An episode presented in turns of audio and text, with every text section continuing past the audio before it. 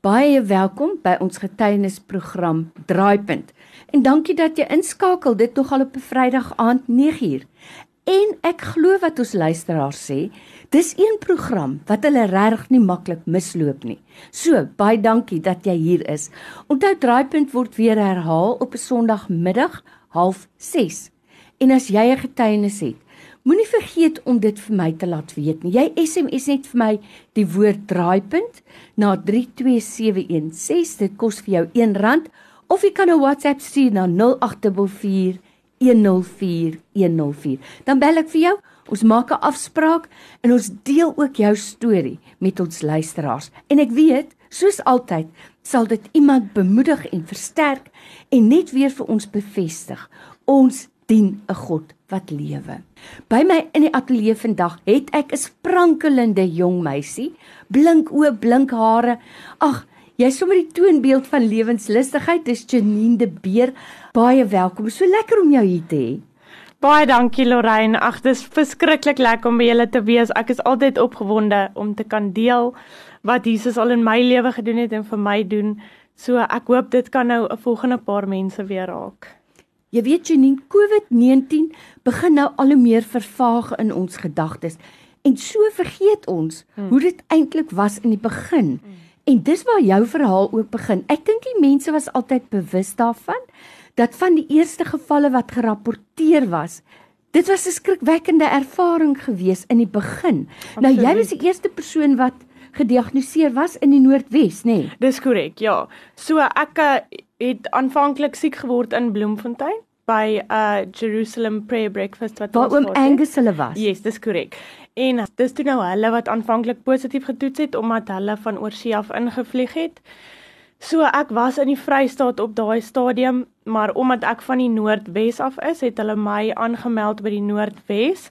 En ja, ek was die eerste geval kort na my was al weer nuwe mensies gewees. Ehm um, so dit was baie nuut, dit was onbekend en almal was omtrent in chaos gedompel in daai tyd. Ja, en ek dink ons vergeet, hulle het 'n mens dadelik geïsoleer, nê? Nee. Ja. Miskien kan jy net vir ons kortliks van daai ervaring vertel.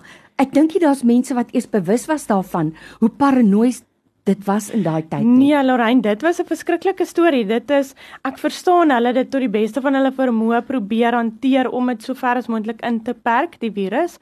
Maar op daai stadium was dit 'n 14 dag isolasie tydperk met in my geval waar hulle gehad het ek moet eers twee keer negatief toets voordat ek uit isolasie uit kan hmm. kom. So 12 uit die 14 dae Toe moet ek op 'n ander plek eers gaan isoleer verder vir 5 dae. Na 5 dae nog steeds positief getoets. Toe vat hulle my na 'n staatshospitaal toe in Klerksdorp waar ek vir 'n verdere 11 dae was. Toe toets ek nog steeds positief. Ja, en so op die ou einde van die dag toe ek 40 dae in isolasie. Wow. Ek was op dag 40 toe kon ek uitgaan. Nou Janine Ek dink ons hier is 'n bietjie geïsoleer van hoe dit in die res van ons land gaan, maar ek weet staatshospitale het dit moeilik. Dit gaan nie goed daar nie. Mm. Maar jy het 'n slegte ervaring gehad in die hospitaal, mm. nê? Nee. Ja, Jesus Lorraine, dit was 'n uitdaging. Ek het definitief toe die ambulans my aflaai in die staatshospitaal toe besef ek dat ek dadelik in 'n survival mode ingegaan het as ek dit so mm. kan sê want boonbehalwe die omstandighede waar ons was in die hospitaal daar's baie geestelike aktiwiteit mm. veral as 'n mens op 'n plek van swaar kry in jou lewe is en jou gees raak baie blootgestel en sensitief. Mm. Um dan is jy baie meer bewus en sensitief vir die geestelike aktiwiteit rondom jou en dit dink ek was by verre my grootste uitdaging in die hospitaal gewees. Ek was baie bewus van baie mense wat dood gegaan het daar wat nie vir Jesus geken het nie daar was vreeslike duistere goed en dit dit het baie erg vir my begin raak want toe begin dit al hoe slegter met my gaan omdat ek lank in hierdie situasie gedompel is. Die mense is baie skepties. Niemand verstaan die virus nie. Niemand weet hoe om dit te hanteer nie. Dit was heel in die begin. Weet dit jy, was heel aan die begin. Ons besef nie hoe dit was nie. Ja, dit was pandemonium eintlik hmm. want niemand het geweet hoe om dit te hanteer nie. Hulle het net geweet dit is 'n verskriklike virus wat verwoesting saai en hulle dit hanteer soos wat hulle nou maar goed gedink het mm. op daai stadium in die ja. lig wat hulle gehad het. Mm. Nou by my in die ateljee vandag ek vir Janine de Beer. Sy's 'n boer van Bloemhof in die Noordwes en vol energie vandag. Maar weet jy Janine, as ek nou na jou kyk, dan kan ek amper nie dink jy is deur so traumatiese ervaring nie. Iets interessant wat jy nou noem wat my opval, hmm. is die geestelike oorlogvoering. Absoluut. En onthou, ja. jy het nou net van 'n byeenkoms afgekom. Ja. Saam met oom Angus hulle wat wat 'n mens op 'n geestelike vlak geplaas het, nê? Nee. Ja. En hier kom jy nou en jy voel hierdie duistere magte. Mm. Jy het nou 'n interessante woord gebruik. 'n Mens gaan amper in 'n oorlewingsmode, nê? Nee. Dis korrek, ja. So, hoe het jy dit hanteer en vertel vir my van jou ervaring daar? Kom ek sê so Lorraine, ek het in daai oorlewingsmentaliteit ingegaan mm. dadelik. Dit het instintiewelik het ek oorgeskop mm. in dit in. En dit was vir my fantasties hoe ek glad nie myself kon onderhou in daai tyd nie en hoe ek so bewus was van die Here. Ek het 'n oorweldigende teenwoordigheid van God om my gehad die hele tyd en dit was al wat my aan die lewe gehou het. Want naant het dit obviously baie slegter met my gesondheid begin hmm. gaan want ek was onder geweldige hoeveelhede stres. Ek het net baie agteruit begin gaan en ek het absoluut kan ek vandag getuig dat ek glad nie in my eie magte dit kon doen nie as dit nie vir die Here was wat my onderhou het in daai moeilike omstandighede nie. Want vandag weet ons en destyds onthou ek my man is 'n dokter. Hulle het almal hmm. gesê dat dikwels is dit die stres en die vrees wat eintlik ja. mense laat sterf eerder ja. as die siekte. Absoluut. Ja, ek het geen meer COVID simptome gehad nie. Ek hmm. was heeltemal asymptomaties en gesond op daai stadium en toe ek maar stres simptome begin mm. soos my puls was heeltyd 180 um dit so begin gaan. Nou, toe het jy 'n werklike ervaring gehad en dis waar ek wil uitkom vandag want mm. weet jy ek dink ons moet besef dat God wat by ons is is meer werklik mm. as jy wat nou hier oorkant my sit. Absoluut. Maar ons is nie ja. altyd bewus daarvan nie. Mm. So vertel ons van daai ervaring. Lorraine, dit was fantasties. Op daai stadium toe is ek nou al 4 in die staatshospitaal. Toe begin dit baie baie sleg gaan met my en dis toe ek nou op 'n laagtepunt kom. En toe ek op my laagste is en en die Here wat so fantasties is en toe ek nou regtig nie meer kon nie en die Here maak my oë oop. My geestelike oë maak hy oop. En ek ervaar 'n leeu. 'n wow. Kolossale leeu. Ek het op my rug geval toe ek besef wat aangaan. Want ek was heeltyd in 'n beswyming mm. met oor hierdie hele oor hierdie hele situasie. En die Here maak my oop en ek is bewus van hierdie mannetjie leeu met hierdie groot groot pote.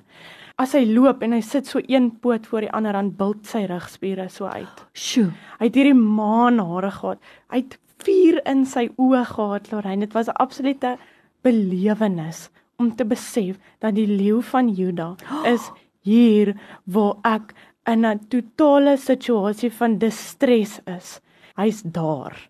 En hy het so stip vir die deur gekyk heeltyd waar die mense in die saal in beweeg het na my toe om te sê, "Hoorie, jy's nog steeds positief. Jy kan nie vandag huis toe gaan nie. Hmm. Um jou stats lyk like nie goed nie." Bears of bad news. Ja, dit mm. was the bears of bad news. Elke keer as ons slegte nuus gekom het en hy het stip vir daai deur gekyk, hy het nooit sy oë van die deur afgehaal nie. En dit was 'n absolute ongelooflike ervaring dat in die aande, eers as ek rustig geraak het, as ek in die bed gaan lê en ek kon bietjie dieper asemhaal vir die eerste keer dan het hy op die voet en end van my bed gaan lê, maar nooit sy oë van die deur afgehaal nie. Verder het nooit gesit of gelê enigiets nie. Hy het altyd op en af geloop tussen die beddens. Dit was absoluut en dit sal ek vir die res van my lewe koester, die parels wat ek gekry het van die leeu van Juda wat ingetree het toe ek op my laaste was. Soos wat Dawid gesê het, my soul is too sorrowful to speak. Sjoe, weet jy Janine, wat net weer vir my bevestig dat wanneer God met ons in die Bybel praat en beelde gebruik, mm. dis realiteit. Absoluut. Maar God moet eers jou geestesoë oopmaak om dit te sien. Dis korrek, ja. So 'n mens moet regtig waar 'n innige diep verhouding met die Here hê. Nou by my in die ateljee vandag het ek vir Janine de Beer en ons praat met jou oor haar ervaring toe sy op haar laagtepunt was in 'n isolasiesaal, 'n COVID saal reg aan die begin van hierdie pandemie. Janine, ons tyd is besig om klaar te maak, maar hoe het jou storie van daar af uitgespeel? Lorraine, van daar af het baie water in die see geloop weer na dit. Um, maar 'n skrif waarvan ek kan getuig wat ek gekry het op die laaste laaste voor ek uit isolasie uitgekom het op dag 40 was Jesaja 40 waar die Here sê comfort my people comfort my daughter Jerusalem tell her that her sorrow has come to an end Wow. en waar in vers 2 sê now go and prepare the way. A voice in the wilderness declaring prepare the way for the Lord. En as ek nie daai ervaring gehad het met wat ek gesien het van die Here toe ek so laag was as ek nie daai ervaring gehad het nie sou ek dalk nie geweet het waarvan ek praat as ek getuig en sê prepare the way for the Lord. Dit is die boodskap wat die Here met my gelos het in daai tyd en ek sal vir die res van my lewe vaskleef daaraan. Nou Janine, jy het dit vroeër gesê, maar ek wil net weer uitbrei daarop. 'n Mens se lewe kan mos nooit weer dieselfde wees Hmm. as jy so ervaring gehad het nie of hoe? Nee, verseker. Ek stem saam met jou en ek is iemand wat sê don't doubt in the dark what God showed you in the light. En Wow. wat die Here vir my gewys het in daai tyd, daar was baie mense wat my probeer bemoedig het en gesê hier is nou 'n Patmos ervaring, Johannes se Patmos ervaring en ek gaan soveel nuwe openbaringe kry, maar ek was te swak om dit te kry. Mm. En hmm. dit is toe Jesus vir my wys dat hierdie openbaring het niks met jou uit te waai nie want jy's so swak, jy kan dit nie bewerkstellig nie. Ek kom doen dit en hy het dit kom doen en verseker vir die res van my lewe sal ek getuig van sy hand wat my onderhou het net soos elke liewe ander kind wat hy wil onderhou op sy laagste laagste punt En soos Paulus sê, wanneer ek swak is, dan is dan hy is hy sterk sterk. Janine, weet jy wat? Ek wil die Here vertrou dat hy vir jou sal gebruik steeds gebruik en groot gebruik om van sy grootheid te getuig. So ay man, ek wil net vir jou sê vir jou tyd vandag so baie dankie. Ag, dankie Lorraine. Dit was vir my 'n baie groot voorreg en dit sal 'n eer wees om met nog mense te deel. Ja, dankie. Ek wil my vra.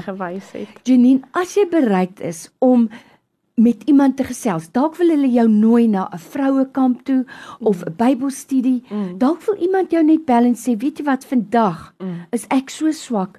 Ek het daai krag nodig." Mm. Kan hulle vir jou kontak en wat is die beste manier? Met liefde, ek is altyd ywerig om te deel. Ek is oral beskikbaar op social media, enigiets. My nommer 079 055 3931 of Janine de Beer op enige van my sosiale media platforms of e-pos uh, janindebeer52@yahoo.co.za. Was my voorreg vandag om met jou te gesels, Janine. Dankie dat jy al die moeite gedoen het om Kaap toe te kom. Nee, dit Ek is wil 'n groot weet ons plesier. waardeer dit. Ag, dis 'n Dankie. plesier Lorraine, dankie vir julle en dankie vir die geleentheid dat ek met nog mense kan deel wat Abba vir my gedoen het. Amen.